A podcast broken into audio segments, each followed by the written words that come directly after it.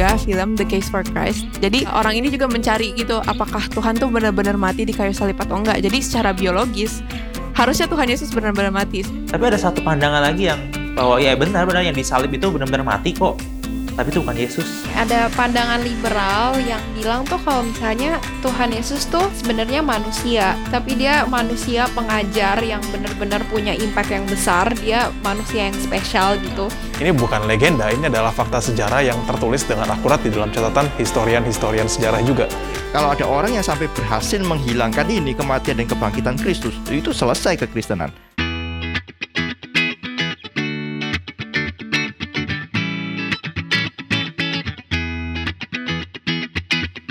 Halo teman-teman, bertemu lagi dengan kami di acara YOLO at GRI Karawaci. Kita akan membahas mengenai tema yang penting, yaitu bagaimana kita mempertanggungjawabkan iman. Nah, di sini kita akan membahas secara khusus tentang kebangkitan Yesus. Tapi bukan hanya kebangkitan tentunya, karena waktu ada kebangkitan pasti ada kematian juga. Di sini ada Yuda, halo Yuda. Halo. Nah, Yuda ini sudah kerja ya. Lalu ada Tania, halo Tania. Hai. Nah, Tania mahasiswi dan juga ada Kay, halo Kay. Halo. Ya, Kay ini adalah siswi kelas 12. Di sini tentunya kita tidak hanya diskusi dengan sesama kita, orang-orang muda, tapi juga ada hamba Tuhan, ada pendeta Budi Sutrisno atau yang akrab kita panggil Kohimim, selaku asisten gembala dari GRI Karawaci. Halo Ko. Halo. Pertama-tama mungkin kita akan bahas mengenai kematiannya dulu. Biasanya argumen-argumen apa aja sih yang dilontarkan orang waktu mereka mau menentang Aku pernah baca satu artikel gitu, jadi dia menggunakan Alkitab itu sendiri buat menentang Yesus itu benar mati atau enggak. Jadi ada dari ayat Alkitab Yesaya 53 ayat 10, tetapi Tuhan berkehendak meremukan dia dengan kesakitan. Apabila ia menyerahkan dirinya sebagai korban penebus salah, ia akan melihat keturunannya, umurnya akan lanjut, dan kehendak Tuhan akan terlaksana olehnya. Nah, yang diserang dari ayat ini, ini kan buatan Yesaya untuk kematian Tuhan itu kan. Dibilang umurnya itu akan lanjut. Tapi gimana caranya umurnya akan lanjut kalau misalkan Tuhan beneran mati muda dari nubuatannya aja Yesus gak dikehendakan mati gitu. Iya ya. Nah, coba kalau baca Alkitab tuh yang lengkap. Jangan comot-comot. Coba baca satu ayat di atasnya aja, satu, ayat Satu- di atas. Satu ayat di atasnya oke. Berarti ayat 9 ya. Orang menempatkan kuburnya di antara orang-orang fasik. Dan dalam matinya ini ia ada di antara penjahat-penjahat sekalipun ia tidak berbuat kekerasan dan tipu tidak ada dalam mulutnya. Nah, Nah, langsung, ini. Jadi langsung gak valid ya pertentangan orang Iya. seperti ini. Tapi kita mungkin memang perlu jelaskan tuh ayat 10 tuh ya. Eh, coba yang lain. Oh, sorry, Siapa sorry. mau Oke, jelasin? oke. Ini saya mungkin saya koneksinya agak lemot ya, oke. Maksudnya connect ayat 10 ini kan bicara soal Oke, oke, mungkin boleh jelasin dulu keberatannya di mana tadi ya. Eh, ini kayak nubuat Yesaya buat kematian Yesus, tapi kan di itu di tulisannya umurnya akan panjang kan? Oke, oh, jadi maksudnya umurnya akan oh, umur Umur Yesus lanjut. akan panjang Iya, gitu. iya umurnya Yesus. Sama ini ada itu gak sih? Ia akan melihat keturunannya, keturunan. keturunannya siapa gitu. Oh, keturunannya, oh, keturunan di sini keturunan Yesus gitu maksudnya Iya, gitu. uh-uh. Oh, see. Tapi sementara Yesus kayak nggak ada nggak ada keturunan kan ya. Iya. Pretty sure gitu kan. Ah, lalu lalu kenapa ayat 9 jadi bisa membuat keberatan ini lah jadi hilang? Ya, Tadi keberatannya dari ayat yang ke-10, kalau cuma ambil ayat yang ke-10, keberatannya adalah bagaimana umurnya akan lanjut. Ya, bagaimana umurnya akan panjang kalau dia mati. Gitu. Kalau dia mati muda tuh bagaimana? Terus kemudian umurnya akan panjang. Nah, tapi di ayat 9 sebenarnya sudah jelas menyebutkan berkenaan dengan kematian. Ya, maka ayat 10 ini kita harus lihat umurnya lanjut bukan karena tidak mati, tetapi sudah mati dan kemudian bangkit. Maka umurnya akan lanjut. Ya, lanjut itu dalam pengertian bahwa justru dia bangkit, dia hidup kekal dan dia tidak mati lagi, maka umurnya panjang. Artinya umurnya lanjut. Nah, kemudian ketika bicara tentang keturunannya, ya, apakah Kristus memiliki keturunan? Ya tentu secara biologis tidak, ya karena Kristus tidak menikah. Ya, tapi ketika bicara keturunan, kita di sini harus mengerti itu juga bicara ada generasi yang selanjutnya. Ya, bicara ada orang-orang yang percaya kepadanya. Nah, sebenarnya di dalam Alkitab ya, kita tahu bahwa Yesus dikatakan sebagai saudara surung kita. Ya, kita adalah anak-anak Allah, Yesus adalah anak Allah yang sejati itu ya. Kita adalah anak-anak Allah. Tetapi di dalam Injil Yesus itu juga pernah memanggil para muridnya misalnya dengan sebutan anak-anakku. Ini tentu bukan bicara bahwa para murid itu benar-benar adalah anaknya, pasti bukan. Tetapi lebih ke arah ya Yesus itu memiliki otoritas atas mereka dan para pengikutnya itu mengikut Yesus seperti mengikut seorang ayah gitu ya, atau mengikut bapa. Ya karena Yesus memang juga adalah Allah gitu kan ya.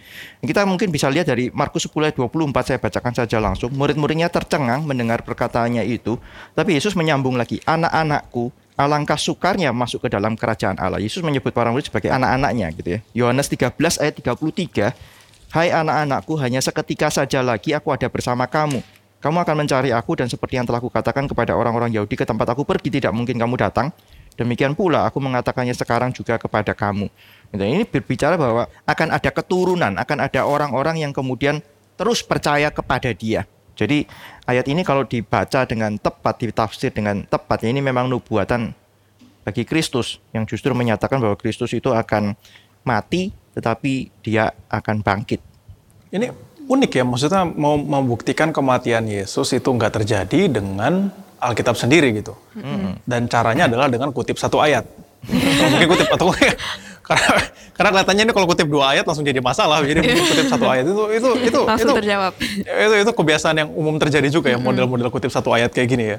Iya, makanya kita sebagai orang Kristen juga mesti kenal ayat-ayat ya, kenal Alkitab juga. Karena, karena kalau enggak, bahkan ayat di atasnya kita nggak lihat, gitu ya, kita nggak baca dan kita terjebak dengan ya pertanyaan atau tantangan dari orang-orang yang cuma kutip satu ayat. Hmm. Aku juga sebenarnya ada satu ayat lagi sih argumen yang sebenarnya mirip kasus sama kayak tadi, tapi dia ambilnya tuh dari perjanjian baru dari Lukas 22 ayat 36. Aku bacain ya. Jawab mereka suatu pun tidak katanya atau kata Yesus kepada mereka, tetapi sekarang ini siapa yang mempunyai pundi-pundi hendaklah ia membawanya.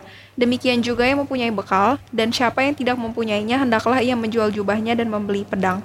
Nah, ini kan Lukas 22 ini kan ceritanya pas Tuhan Yesus ngomong di perjamuan malam kan. Jadi orang yang pakai ayat ini tuh bilang kalau misalnya Tuhan Yesus tuh tahu kalau bentar lagi dia bakal ditangkap orang Yahudi. Jadi dia bilang kayak beli pedang tuh kayak seakan-akan kayak gua Tuhan mau yang mau fight back gitu. Iya. Iya gitu. heeh. Oh, I see, kayak siap-siap lawan gitu. Jadi karena Yesus tahu mau ditangkap, maka sekarang waktunya untuk self defense gitu, Iya, beli pedang. Oh, I Maksudnya see, mungkin oke. mungkin kalau Tuhan benar-benar mau mati di kayu salib buat umat manusia ngapain nggak mau ditangkap saat itu lah gitu. Iya, Ah, oke, ngapain oke, ngomong oke. gitu Heeh. gitu. Oke. Orang bilangnya gitu. Apa yang beli pedang gitu ya? Mm-mm. Buat buat Tapi ayat ini harus dibaca sesuai dengan Konteks. perikopnya ya, konteksnya ya. Karena Lagi. di kan konteksnya tadi malam perjamuan kan. iya itu. Tapi ketika lihat eh, perikop selanjutnya, ayat-ayat selanjutnya ya di Taman Getsemani, Yesus ditangkap, Petrus menyangkal Yesus, ya dan sampai akhirnya adalah Yesus disalibkan. Jadi maksudnya di sini juga kita melihat bahwa di Taman Getsemani ketika Yesus berdoa, ya Bapakku jika engkau mau ambil cawan ini daripada aku, tapi bukanlah kehendakku, melainkan kehendakmu. Dari ayat ini jelas-jelas menentang anggapan yang dari perikop sebelumnya bahwa ya Tuhan tuh nggak mau ditangkap gitu. Tapi di sini ya Tuhan berserah kepada Bapa di surga bahwa ya ini biarkan kehendak Bapa yang terjadi.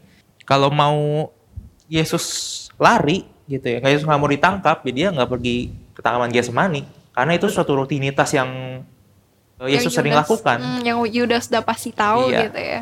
Oh, see. Maksudnya kalau Yesus tahu mau ditangkap, ya udah jangan ke Taman Getsemani, berdoa di tempat lain aja gitu. Iya, karena Yudas akan have no idea ke mana Yesus Iya. ya. Pas dia bawa ke Taman Getsemani, Yesusnya nggak ada. Nah, Yudas yang kena sekarang. Maksudnya gitu. Kena prank. Iya. Masalahnya Yesus nggak kerjain itu di sini gitu ya. Iya. Bahkan saya baca di Matius 26 ayat 46 tunggu, gitu ya. tunggu, jangan lompat dulu. Kalau kita lihat dari Lukas, kita juga pasti akan menemukan jawaban dari Lukas. Oh, I see. Oke. Jadi jangan oke. lompat ya. Kalau kita lompat begini, kita juga nggak belajar bagaimana kita menafsir dengan tepat. Saya rasa seperti itu ya. Sekarang coba perhatikan ya. Ini memang agak jauh kalau tadi ayat langsung di atas ini agak jauh. Coba tapi lihat 49 dan 50 coba. Ayat 49 dan 50 masih dari pasal yang sama. Ketika mereka yang bersama-sama dengan Yesus melihat apa yang akan terjadi, berkatalah mereka, Tuhan, mestikah kami menyerang mereka dengan pedang? Dan seorang dari mereka menyerang hamba imam besar sehingga putus telinga kanannya. 51. Tetapi Yesus berkata, sudahlah itu. Lalu ia menjamah telinga orang itu dan Jadi menyembuhkannya. Yesus setuju nggak pemakaian pedang dalam hal ini? Enggak. Enggak gitu ya. Jadi ayat yang tadi kita nggak bisa baca bahwa Yesus itu minta para muridnya membeli pedang untuk kemudian membela dia supaya dia tidak usah ditangkap.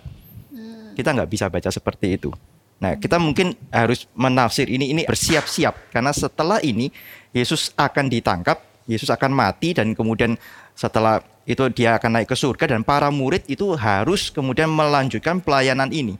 kalau Yesus saja diperlakukan seperti itu, para muridnya juga akan diperlakukan yang sama. Jadi ini adalah satu perintah Tuhan untuk kita bersiap-siap.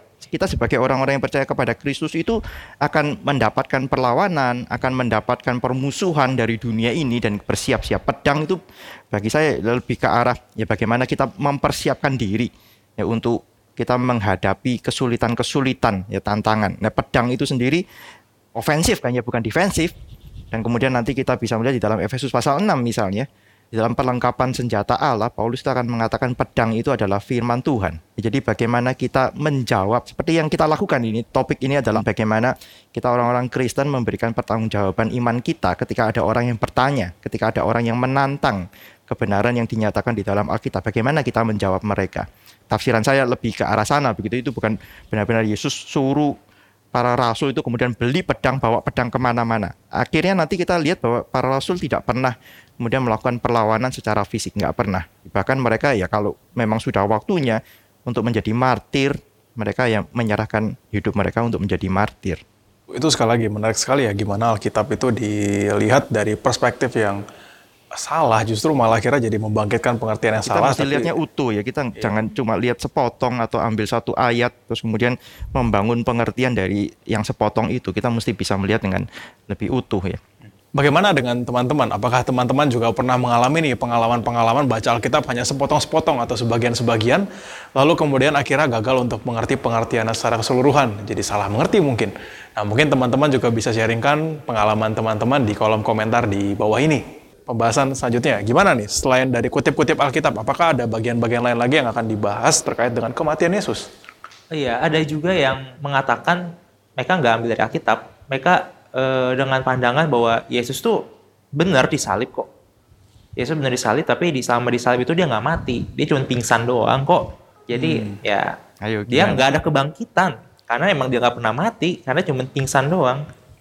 Agak impossible nggak mati sih. Soalnya jadi eh, aku pernah nonton juga film The Case for Christ. Jadi eh, orang ini juga dia juga mencari gitu apakah Tuhan tuh benar-benar mati di kayu salib atau enggak. Jadi secara biologis harusnya Tuhan Yesus benar-benar mati. Soalnya misalkan dari pertama aja Tuhan Yesus tuh udah dicambuk. Dari cambuk aja pasti kehilangan darahnya itu banyak kan. Dan itu juga secara biologis bisa berefek ke tubuh makanya Ya, dicambuk doang lo kok bisa kehilangan darah banyak kan gimana Oke. cambuknya juga kan ada kaca-kaca gitu kan Nah, Kait- itu beda ya Iya, cambuk iya. dulu sama sekarang ya. Iya. Cambuknya orang Roma itu cabangnya tujuh dan di setiap ujungnya itu dikaitkan tulang atau besi yang kemudian ketika dicambukkan itu akan nancap di daging, ketika Iya. ditarik itu akan mencongkal daging keluar.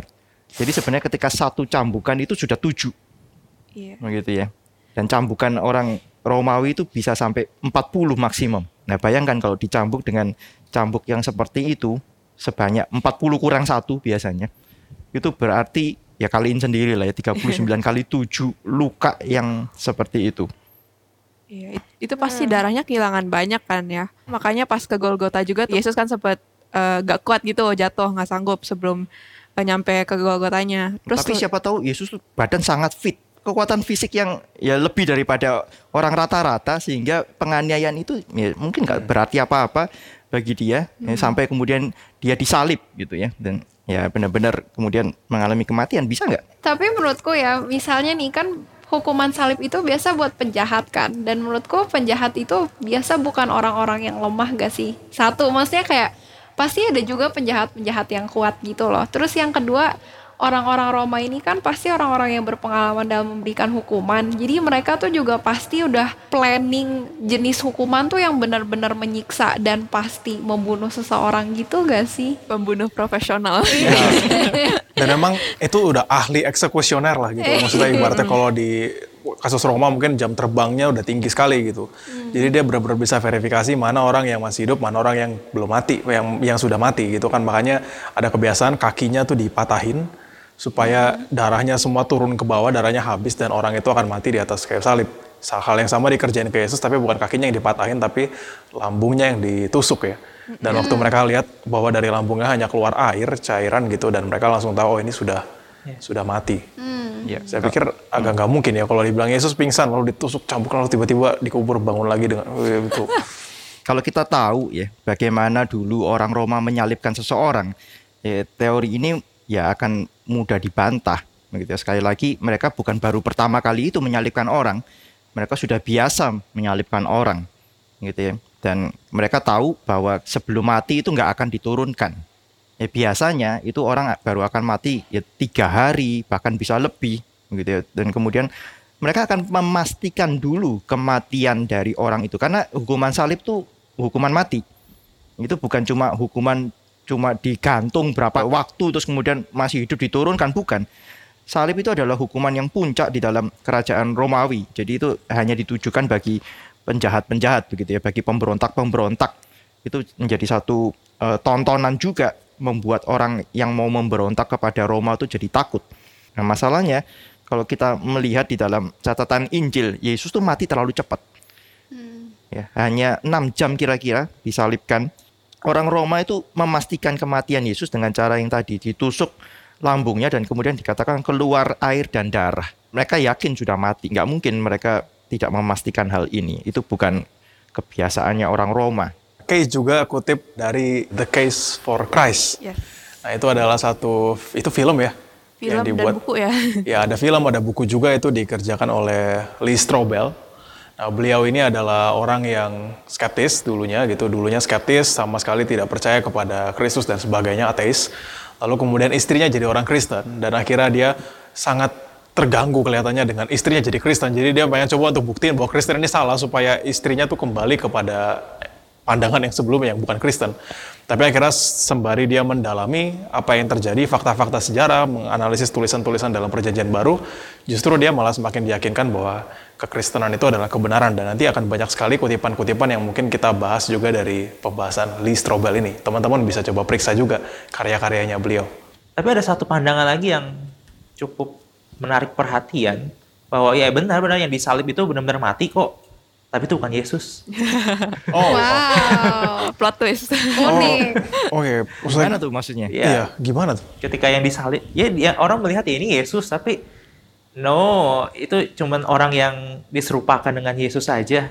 Ada hmm. pandangan yang mengatakan seperti itu. Jadi benar yang disalib itu mati kok.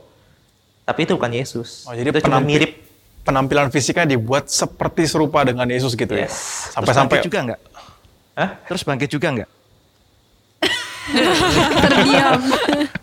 Oke, kalau bukan Yesus enggak. tapi serupa dengan Yesus. Jadi ini maksudnya orang Roma salah tangkap gitu kan ya. ya. Yudas memimpin prajurit-prajurit atau ini pengawal-pengawal bait Allah dan orang-orang Roma untuk menangkap orang yang salah. Terus kemudian disalibkan dan kemudian mati beneran mati. Tapi bangkit nggak? Hmm, rasanya mereka nggak percaya. Mereka nggak percaya kebangkitan juga ya. Gimana tuh? Masa murid-muridnya kayak nggak ada yang kenalin sih? Ya, kalau kan, maksudnya ya. diserupakan tuh apa ya? Maksudnya kalau misalkan emang ketahuan beda kan maksudnya Yudas sendiri yang cium Yesus biar Yesus ditangkap kan maksudnya kayaknya Yudas gak mungkin salah juga dong kalau misalkan sasarannya emang Yesus. Nah, mungkin ada teori itu tuh ketika Yudas hmm. mencium Yesus wajahnya ditukar. ah, ya. terus kemudian itu kan itu kan dua orang berdekatan kan ya. ya. Cium berdekatan wajahnya ditukar dan begitu selesai Ya, maka terus kemudian eh, Yudas kan sudah kasih tahu pengawal bait Allah dan orang Roma kan, yang aku cium itulah Yesus gitu kan ya. ya.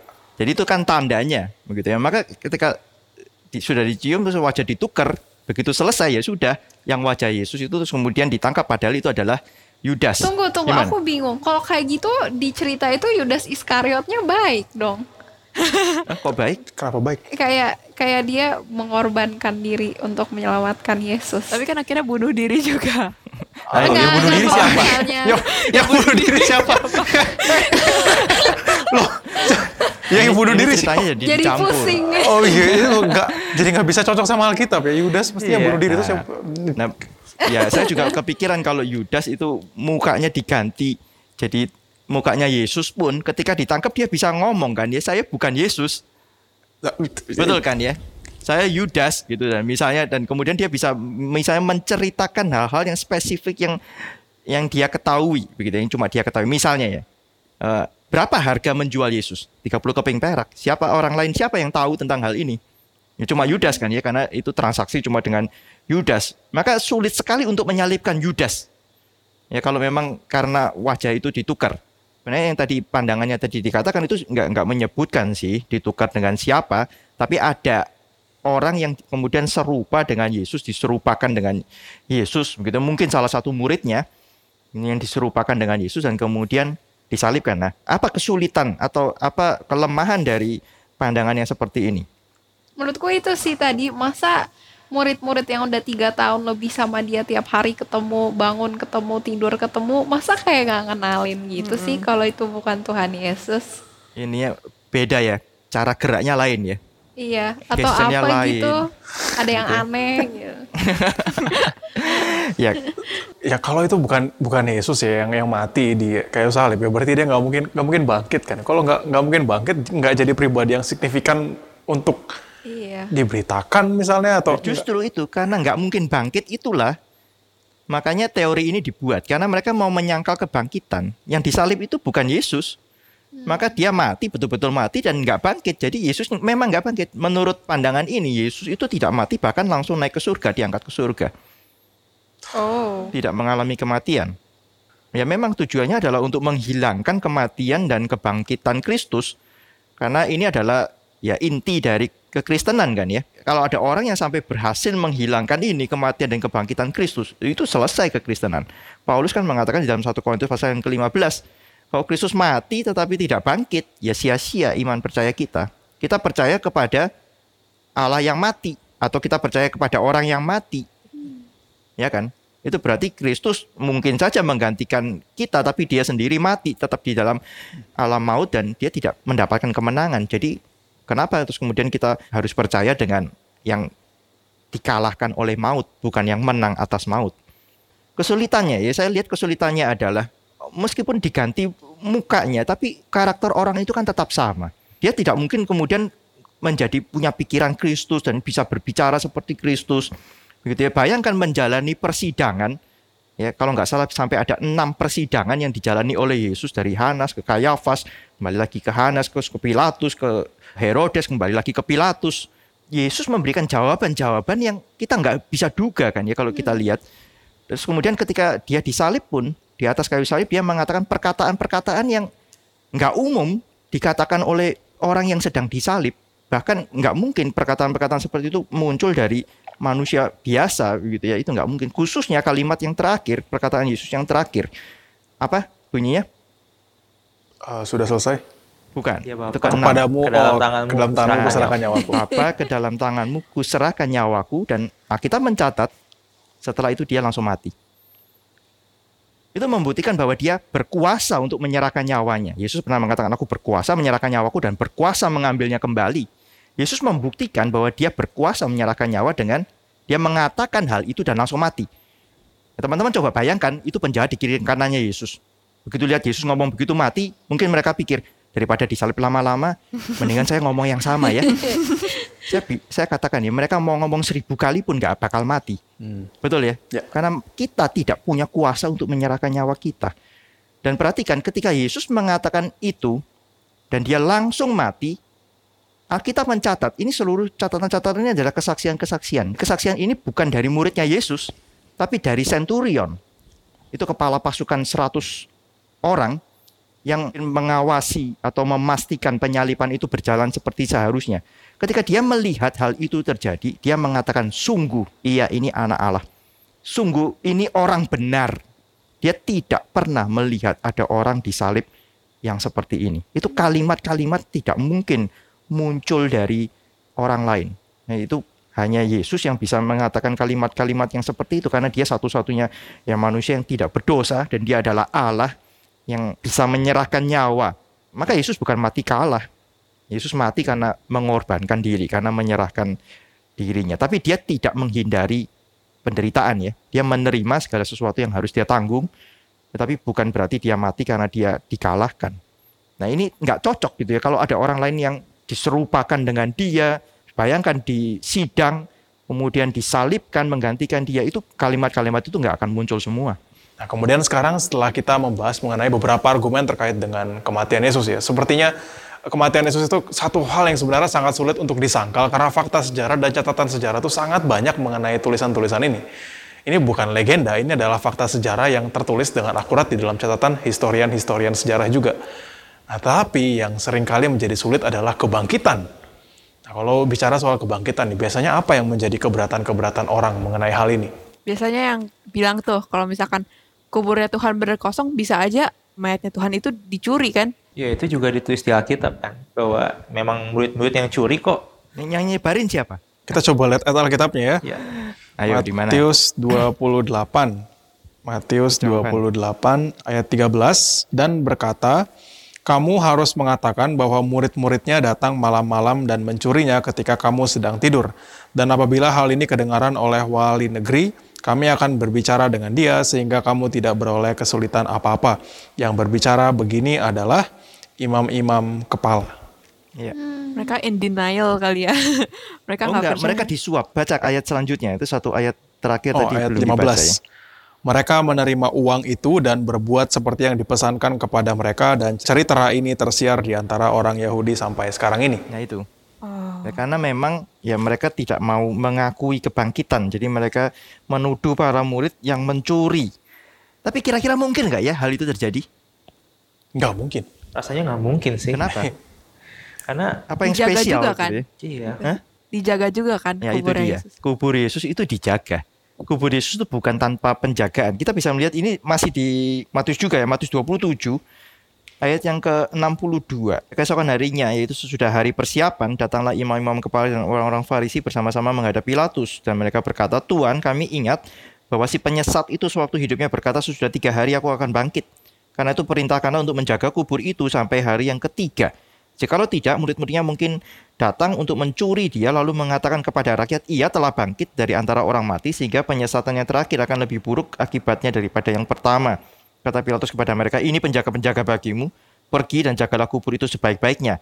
Maka pergilah mereka dan dengan bantuan penjaga-penjaga itu mereka mematerai kubur itu dan menjaganya. Kita juga perlu tahu orang Roma pada waktu itu kalau menjaga itu seperti apa. Ya, pengawal-pengawal itu penjaga-penjaga itu kalau sudah diberikan satu kepercayaan untuk menjaga satu orang atau satu benda begitu ya untuk dia jaga. Dia harus menjaga itu dengan nyawanya. Gitu ya. Maka di sini ketika kubur Yesus harus dijaga dan perhatikan yang menjaga dua pihak ya. Satu adalah dari imam-imam kepala, tetapi yang satu lagi adalah dari prajurit Roma. Bagaimana para murid kemudian melawan penjaga-penjaga ini? Sedangkan pada waktu Yesus ditangkap pun mereka sudah kabur kan ya, mereka sudah lari, mereka sudah tidak berani menampakkan diri. Begitu mereka sembunyi dan sekarang bagaimana mereka mengalahkan penjaga-penjaga ini, menggulingkan batu besar yang menutupi karena ini adalah kuburan bukan kuburan seperti kita sekarang dimasukkan ke dalam tanah, bukan. Tapi mereka biasanya akan bukit batu begitu ya. Itu mereka akan bikin ceruk di dalamnya atau itu bisa juga underground bawah tanah begitu ya. Untuk kemudian mayat itu dimasukkan ke dalamnya dan ditutup atasnya dengan satu batu yang besar. Itu tidak mudah untuk digeser. Jadi bicara tentang mayatnya dicuri itu jadi satu hal yang tidak mudah. Selain itu juga ya kalau memang cuma dicuri saja mayatnya, apa sulitnya bagi misalnya orang-orang Roma ya Pilatus terus kemudian memerintahkan murid-murid Yesus ditangkap, disiksa untuk mereka mengaku di mana mayatnya. Ya munculkan kalau nggak munculkan mereka bisa bisa dimatikan gitu misalnya. Itu mudah sekali bagi Pilatus, bagi imam-imam kepala untuk kemudian melakukan hal itu kepada para murid. Tapi nyatanya usaha itu tidak pernah ada. Kenapa mereka tahu? Yang nggak ada gunanya juga maksa para murid itu untuk kemudian ya menunjukkan di mana mayat Yesus karena mereka tahu memang tidak ada. Ini ini menarik ya karena Lee Strobel juga melihat fakta ini bahwa ada dusta soal Yesus mayatnya dicuri dan dia bilang justru dusta ini membuktikan bahwa Yesus itu bangkit. Karena Mahkamah Agama waktu mau buat kebohongan, mereka nggak bisa buat kebohongan bahwa enggak kubur Yesus nggak kosong kok, ada isinya, ada orangnya. Mereka nggak bisa buat gitu. Mereka hanya bisa bilang, oh kubur Yesus itu kosong, tapi dicuri. Jadi mereka nggak bisa menyangkali bahwa kubur Yesus itu beneran kosong. Ini justru jadi bukti yang sangat kuat untuk mengatakan, "Ih, ya ini kubur kosong ini undeniable facts, fakta yang tidak dapat disangkal bahkan oleh orang yang mau berbohong sekalipun. Iya. Ada juga teori yang mengatakan itu Maria Magdalena dan beberapa perempuan itu salah kuburan. Itu mungkin nggak? Terus kemudian mereka melihat, "Loh, kosong, sudah nggak ada. Gitu. Ya memang nggak ada, salah kuburan. Itu mungkin kuburan baru gitu kan ya. Tapi kira-kira mungkin nggak ya hal itu? Kalaupun mungkin Maria Magdalena eh, salah kuburannya, kan dicek juga bakal dicek juga sama orang-orang lainnya. Nah itu Gak dia. mungkin semuanya ya. salah kan. Nah itu dia. Sebenarnya banyak yang tahu kuburan Yesus itu di mana dan khususnya kuburan Yesus ini bukan kuburan sembarangan. Kuburan Yesus ini adalah kuburan dari punya siapa? Yusuf. Yusuf dari Yusuf Arimatea. dari Arimatea. Yusuf dari Arimatea tampaknya orang penting karena dia bisa datang kepada Pilatus dan minta mayatnya Yesus untuk kemudian dikuburkan di kuburannya dia. Pada waktu itu kebiasaannya orang yang dieksekusi nggak boleh dikuburkan di dalam kuburan umum, kuburan keluarga tidak. Itu memang akan dikuburkan di dalam satu kuburan khusus, begitu ya, sebagai satu tanda bahwa ini adalah orang yang dihukum mati sampai kira-kira satu tahun, ya bahkan dikatakan sampai sisa tulang belulangnya saja, baru kemudian boleh dipindahkan ke kuburan keluarga. Gitu. Nah maka Yesus kan disalib, itu menunjukkan bahwa Yesus itu dihukum mati, Yesus itu dianggap sebagai penjahat. Maka kuburannya adalah satu kuburan yang pasti ditandai. Ya kuburan yang nggak mungkin di- boleh dikubur di mana pun juga. Kalau bukan Yusuf Arimatea yang minta, Yesus akan dikuburkan di kuburan yang khusus, tetap akan dijaga juga. Jadi ini teori-teori seperti ini salah kuburan, mayat dicuri, begitu ya itu menjadi satu hal yang yang nggak cocok begitu ya, dengan apa yang menjadi kebiasaan pada waktu itu ya bagaimana orang Roma memperlakukan mayat dari orang yang sudah dihukum mati. Kalau misalnya nih em, mayat Tuhan Yesus yang dicuri nih sama murid-muridnya, kita kayak kita tuh tetap nggak bisa ngejelasin loh kayak perubahan yang dialami oleh murid-muridnya setelah itu. Kayak kita tahu dulu misalnya Petrus tuh penakut tapi habis itu dia berani khotbah bikin 3000 orang tobat.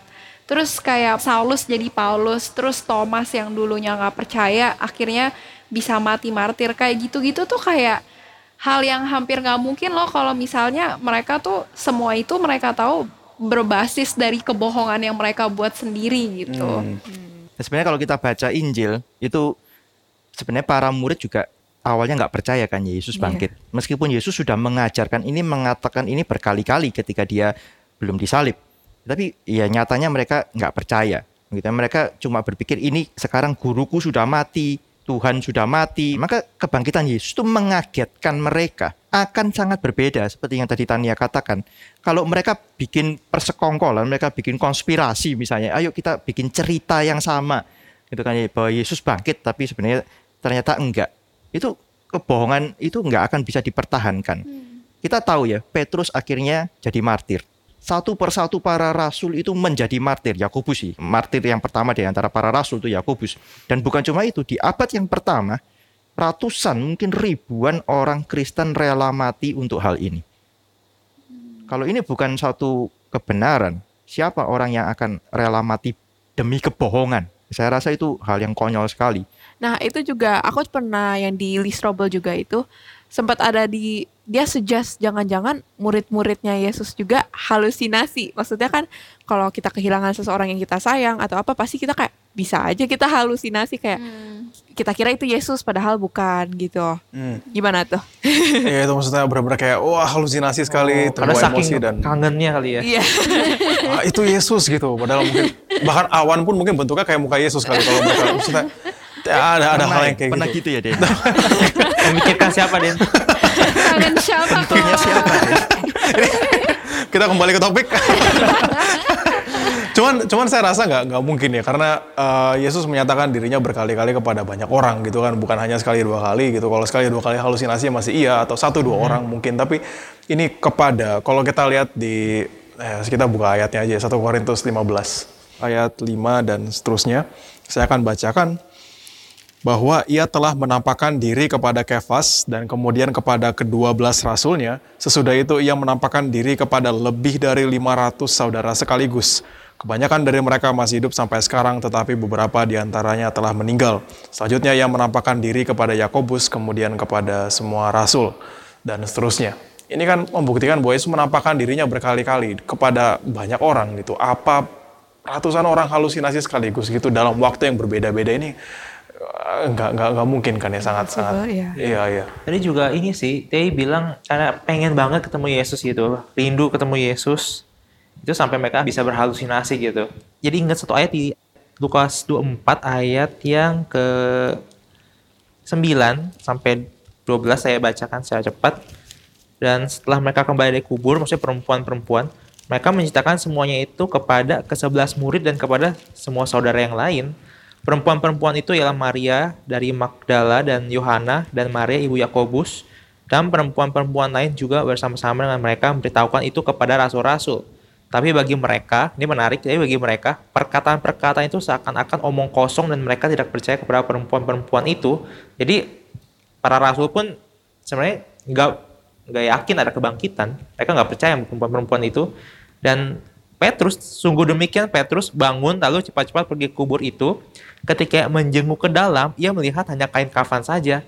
Kalau memang Petrus pikir Yesus bangkit dan memang benar-benar mengharapkan Yesus bangkit gitu, kalimat selanjutnya nggak akan begini. Lalu ia pergi dan ia bertanya dalam hatinya, apa yang kira-kira telah terjadi? Pasti dia kelihatannya sukacita gak sih kalau dia percaya? Iya kayak, wah beneran nih pasti Yesus, Yesus bangkit nih. Pasti harus begitu, tapi dia, loh kok kosong? Kenapa bisa kosong ya? Ya, itu dia makanya tadi saya katakan bahwa sebenarnya para murid dan orang-orang dekat Yesus itu pun tidak terlalu mengharapkan kebangkitan ya. bahkan mereka meragukan Yesus itu akan benar-benar bangkit Ya, jadi nggak ada saya nggak ada sesuatu yang benar-benar bisa meyakinkan mereka kecuali mereka melihat sendiri Yesus bangkit. Yesus menampakkan diri kepada mereka. Ya, maka teori halusinasi itu, halusinasi itu biasanya ya cuma satu orang yang saya sangat rindu, saya akan melihat. Tapi kalau misalnya ada 11 murid, Yesus pernah menampakkan diri kepada 11 murid sekaligus kan ya. 11 murid, terus kemudian mereka melihat yang sama, mereka mendengar Yesus ngomong apa yang sama, terus kemudian ya mereka melihat Yesus melakukan apa semuanya sama, itu nggak pernah terjadi. Kecuali mereka benar-benar melihat ini adalah Yesus yang bangkit. Gitu. ya. Tapi saya ada satu tantangan lagi. Bagaimana kalau sebenarnya Yesus tidak bangkit, mayatnya entah di mana, tapi terus kemudian dia menampakkan diri. Teofani, ya semacam penampakan diri Allah gitu ya. Di dalam perjanjian lama kan Tuhan berkali-kali memakai wujud manusia menampakkan diri kan, mendatangi Abraham, mendatangi siapa, Yakub dan seterusnya itu kan ya. Bisa begitu kan ya, bisa menampakkan diri dengan tubuh manusia bahkan bisa makan. Ya Abraham menjamu Tuhan. Nah, bagaimana kalau misalnya Yesus itu tidak benar-benar bangkit di dalam tubuh, tapi itu adalah teofani, penampakan saja. Mungkin nggak? Enggak. Hmm. Kita tahu jawabannya enggak, tapi Nggak tahu. Jawabannya pasti enggak. Jawabannya, jawabannya pasti pasti enggak. enggak. gitu ya. Tapi penjelasannya bagaimana? Kalau- Kalau kita mau jawab penjelasannya percaya saja, nggak bisa. Hanya percaya. ya, Ya. itu pada akhirnya tetap harus tanya lagi. Yang dipermasalahkan oleh ya kalau para murid mungkin nggak terlalu mempermasalahkan hal itu, tapi bagi para otoritas nih ya, imam-imam kepala, terus kemudian Pontius Pilatus, mereka akan mempertanyakan di mana tubuhnya. Kamu bikin cerita kebangkitan dan lain sebagainya, ya buktikan begitu kan ya dengan tubuh yang ini. Nah masalahnya, ini bukan masalahnya, solusinya sebenarnya Yesus ketika menampakkan diri kepada para muridnya, Yesus itu juga menunjukkan tanda bahwa itu adalah dia. Berkali-kali para muridnya ketakutan kan, ini siapa tiba-tiba muncul di tengah ruangan gitu kan ya. Siapa, hantukah atau siapa begitu ya. Tapi Yesus mengatakan jangan takut ini aku. Kepada Thomas bahkan Yesus katakan, masukkan, cucukkan jarimu di lubang bekas paku, cucukkan jarimu di lambung. Itu berarti ada, tanda itu masih ada. Ini menunjukkan bahwa itu bukan sekedar teofani, bukan sekadar Yesus itu menampakkan diri memakai satu wujud manusia, tetapi itu benar-benar tubuhnya dia yang bangkit. Bahkan ada satu catatan yang menarik ya di dalam Alkitab. Bahwa tadi dikatakan Petrus melihat kain kafan, tapi di dalam catatan Injil Yohanes, Injil Yohanes pasal yang ke-20 ayat yang ke-6 ada catatan yang lebih detail, bukan cuma Petrus tetapi ada Yohanes yang sudah lari terlebih dahulu lebih cepat daripada Petrus itu di ayat-ayat sebelumnya. Tapi di ayat 6 dikatakan maka datanglah Simon Petrus juga menyusul dia dan masuk ke dalam kubur itu. Ia melihat kain kapan terletak di tanah. Sedang kain peluh yang tadinya ada di kepala Yesus tidak terletak di dekat kain kapan itu tapi agak di samping di tempat lain dan sudah tergulung. Sudah tergulung. Saya rasa ya in- ini Yesus ketika bangkit dia rapi-rapiin kain kapannya. Yesus orangnya rapih berarti. tanggung jawab. kalau dicuri, pencuri itu nggak akan sempat mikir, betul kan ya? Ya. Dia Ya, cuma ya. akan ambil saja, Ya. sehingga kain yang menutupi muka mungkin akan terjatuh, tercecer, kain kapan itu juga mungkin akan ya dalam keadaan yang berantakan, begitu ya. Tapi tidak, Petrus dan Yohanes tidak menemukan kondisi itu, menemukan kondisi rapi, seolah-olah tubuh itu itu kan dibungkus kain kapan itu keluar dan meninggalkan kain kapan itu kosong dan ya udah terlipat di situ. Seperti kepompong gitu ya, sudah, Hmm. udah keluar gitu ya, kupu-kupunya sudah keluar, ya kepompongnya utuh gitu, ada di situ. Itu kain kapannya utuh ada di situ.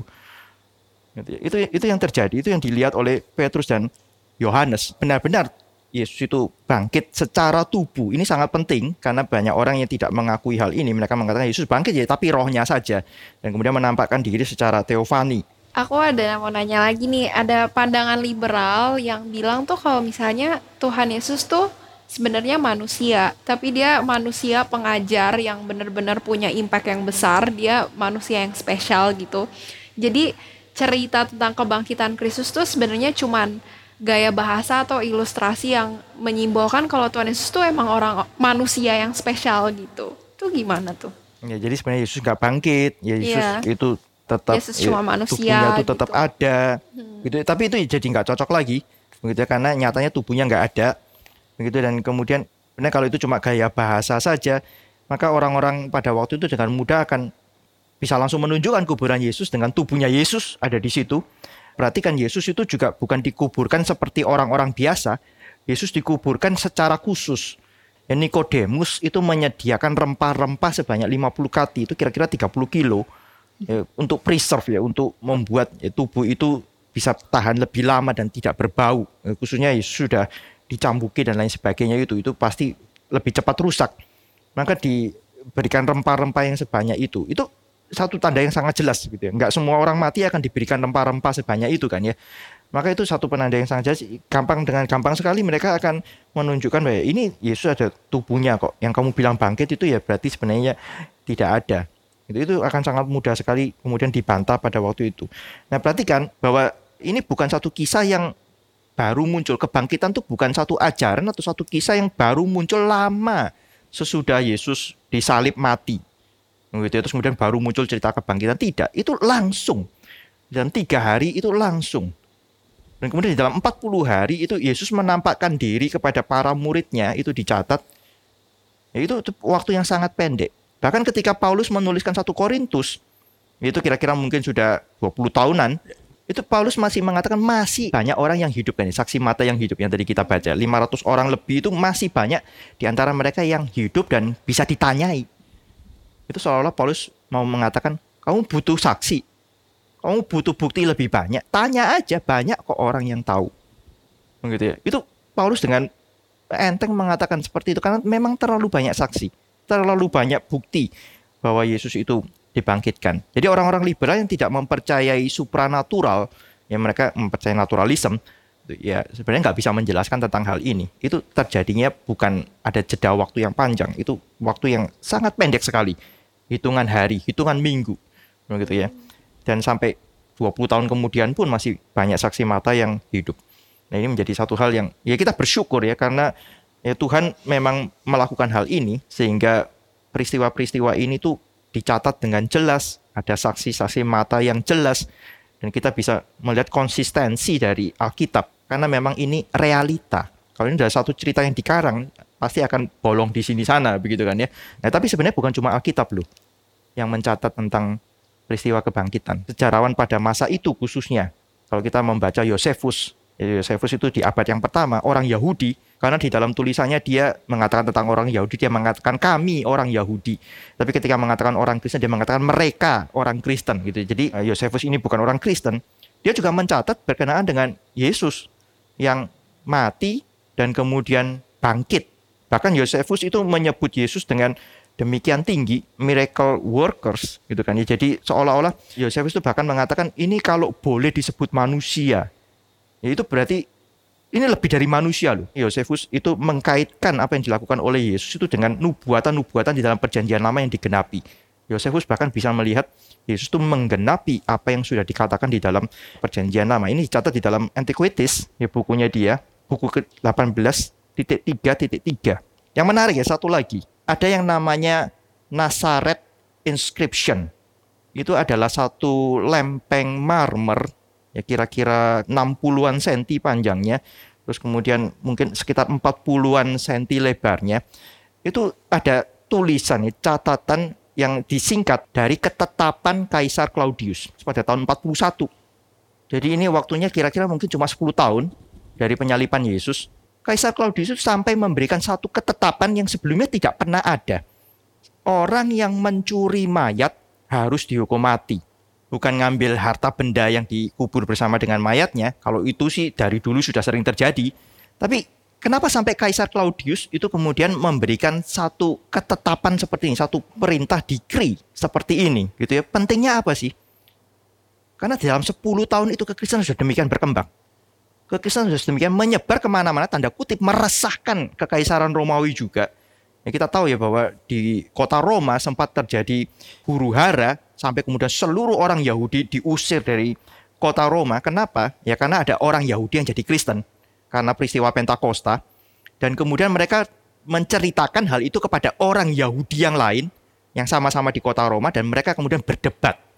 Ya, apakah Yesus itu adalah Mesias?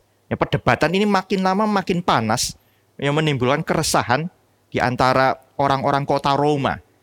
Maka kaisar pada waktu itu kemudian memutuskan usir seluruh orang Yahudi keluar dari Roma. Itu baru tahun-tahun awal. Jadi dalam 10 tahun saja kekristenan itu berkembang dengan demikian pesat. Apa yang membuat hal itu terjadi? Berita ini, kematian dan kebangkitan Kristus. Ya Paulus sekali lagi mengatakan kalau Kristus tidak dibangkitkan sia-sia imanmu. Tapi saya tanya sebaliknya. Kalau Kristus dibangkitkan, apa dampaknya bagi imanmu? Hmm. Itu yang kita mesti tanyakan ya. ya. Kenapa orang Kristen mula-mula itu, para rasul itu, kemudian berubah sedemikian rupa. Mati pun mereka rela. Kenapa? Kebangkitan itu satu fakta, kemenangan yang tidak pernah ada pada yang lain satu-satunya manusia yang pernah mati, bangkit, dan kemudian tidak mati lagi. Itu adalah Yesus Kristus. Karena dia bukan manusia biasa, dia adalah Allah yang menjadi manusia. Ini tidak ada, tidak pernah terjadi. Tidak pernah terjadi sebelumnya, tidak pernah terjadi sesudahnya. Ini satu-satunya event, satu-satunya peristiwa yang terjadi di dalam sejarah dunia ini. Dan yang mencatat bukan cuma Alkitab sekali lagi, banyak catatan-catatan dari sejarawan yang lain mencatat tentang hal ini. Orang-orang Kristen itu berkumpul hari Minggu untuk memperingati kebangkitan Kristus, untuk merayakan kebangkitan Kristus. Itu dicatat oleh sejarawan-sejarawan. Tapi pertanyaan saya yang tadi, kalau Kristus itu benar-benar dibangkitkan, apa dampaknya bagi hidup kita? Ada yang mau sharing? Ada pengharapan kali di dalam hidupnya. Maksudnya, kalau misalkan Tuhan gak bangkit, kayak ya itu kan sia-sia iman kita. Maksudnya, buat apa kita hidup kalau kita nggak punya tujuan kalau misalkan kita tahu Tuhan kita udah bangkit aku sendiri sih personally aku punya pengharapan yang lebih besar gitu bicara pengharapan yang besar juga Kristus dengan kebangkitan Kristus Kristus telah mengalahkan maut ya musuh kita semua yang kita nggak bisa lewati kita nggak bisa lawan yang pasti kita ya semua orang akan menghadapi maut. Tapi dengan adanya kebangkitan Kristus ada pengharapan akan hidup yang Kristus sendiri juga janjikan kepada setiap kita. Hidup yang di dalam Tuhan, hidup yang penuh sukacita, di, ada pengharapan dunia akan datang di dengan keadaan dunia yang sekarang ini yang kita hidupi dengan banyak hal yang tidak ideal, banyak hal yang kita sering kali sedih, pengharapan buat orang-orang yang mengalami kekecewaan, Tuhan memberikan suatu kehidupan yang penuh sukacita dan itu dijamin dalam kebangkitan Tuhan. Kalau buatku pribadi sih, kalau Tuhan Yesus bisa bangkit dari kematian itu kan menunjukkan kalau Tuhan Yesus tuh berkuasa ya gitu. Jadi di saat-saat aku lagi sedih, aku berasa kok kayaknya nggak ada yang bisa bantu aku. At least aku tahu gitu loh kalau aku punya Tuhan yang berkuasa yang yang bisa dengerin masalahku, yang bisa temenin aku gitu. Kalau Tuhan nggak bisa bangkit dari mati ya aku kasarnya aku percaya sama Allah yang bohong gitu dan ya nggak ada orang yang maksudnya nggak ada yang bisa dengerin aku gitu maksudnya Allahku itu bukan Allah yang berkuasa yang bisa bantu aku gitu tapi dengan Tuhan bangkit dari kematian itu jadi jaminan juga akan kekuatan Tuhan Ya saya pikir waktu kita coba untuk renungkan lagi tema kebangkitan ini, mungkin salah satu bagian Alkitab yang benar-benar mesti kita coba untuk baca lagi itu 1 Korintus 15 ya. Di situ ada pembahasan mengenai kebangkitan Kristus, mengenai kebangkitan kita, tapi terutama bagian akhir yang menurut saya gitu ya, itu sangat sangat mengharukan gitu. Waktu kita jalani hidup kita di dunia ini sekarang gitu kita lihat begitu banyak hal yang gak ideal begitu banyak hal yang gak sesuai sama kebenaran Alkitab. Kita mau berusaha untuk jujur semua orang bohong. Kita mau berusaha untuk tulus semua orang itu licik Lalu lalu gimana kita bisa menemukan pengharapan dalam hidup kayak gini? Kenapa kita mesti berjuang untuk hidup sesuai dengan yang dikatakan Alkitab? Kalau toh semua dunia nggak ada yang sesuai sama Alkitab kok.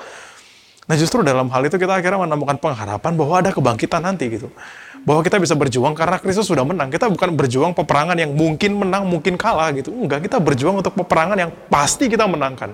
Karena bukan karena kitanya, tapi karena Kristus. Jadi dalam hal itu kita bisa punya pengharapan yang kuat dalam berjari lelah. Saya mau jujur, semua orang bohong, saya nggak peduli. Saya mau tulus, semua orang licik, saya nggak peduli. Saya mau dermawan, semua orang pelit, saya nggak peduli. Semua itu nggak nggak nggak jadi nggak masalah sama sekali karena kita tahu kita sedang memperjuangkan peperangan yang sudah pasti menang. Ada pengharapan di dalam Kristus yang bangkit, pengharapan di dalam Kristus yang menang. Sehingga akhirnya ya pasal 15 itu ditutup dengan jeripayahmu dalam Kristus nggak sia-sia. Itu kan sangat indah, bukan hanya pengharapan nanti, tapi sekarang waktu kita hidup saat ini gitu. Iya, tadi Tania kan menyebutkannya soal liberalis, ya, orang-orang liberalisme tidak percaya kebangkitan, ya, tidak, sebenarnya tidak percaya supernaturalisme.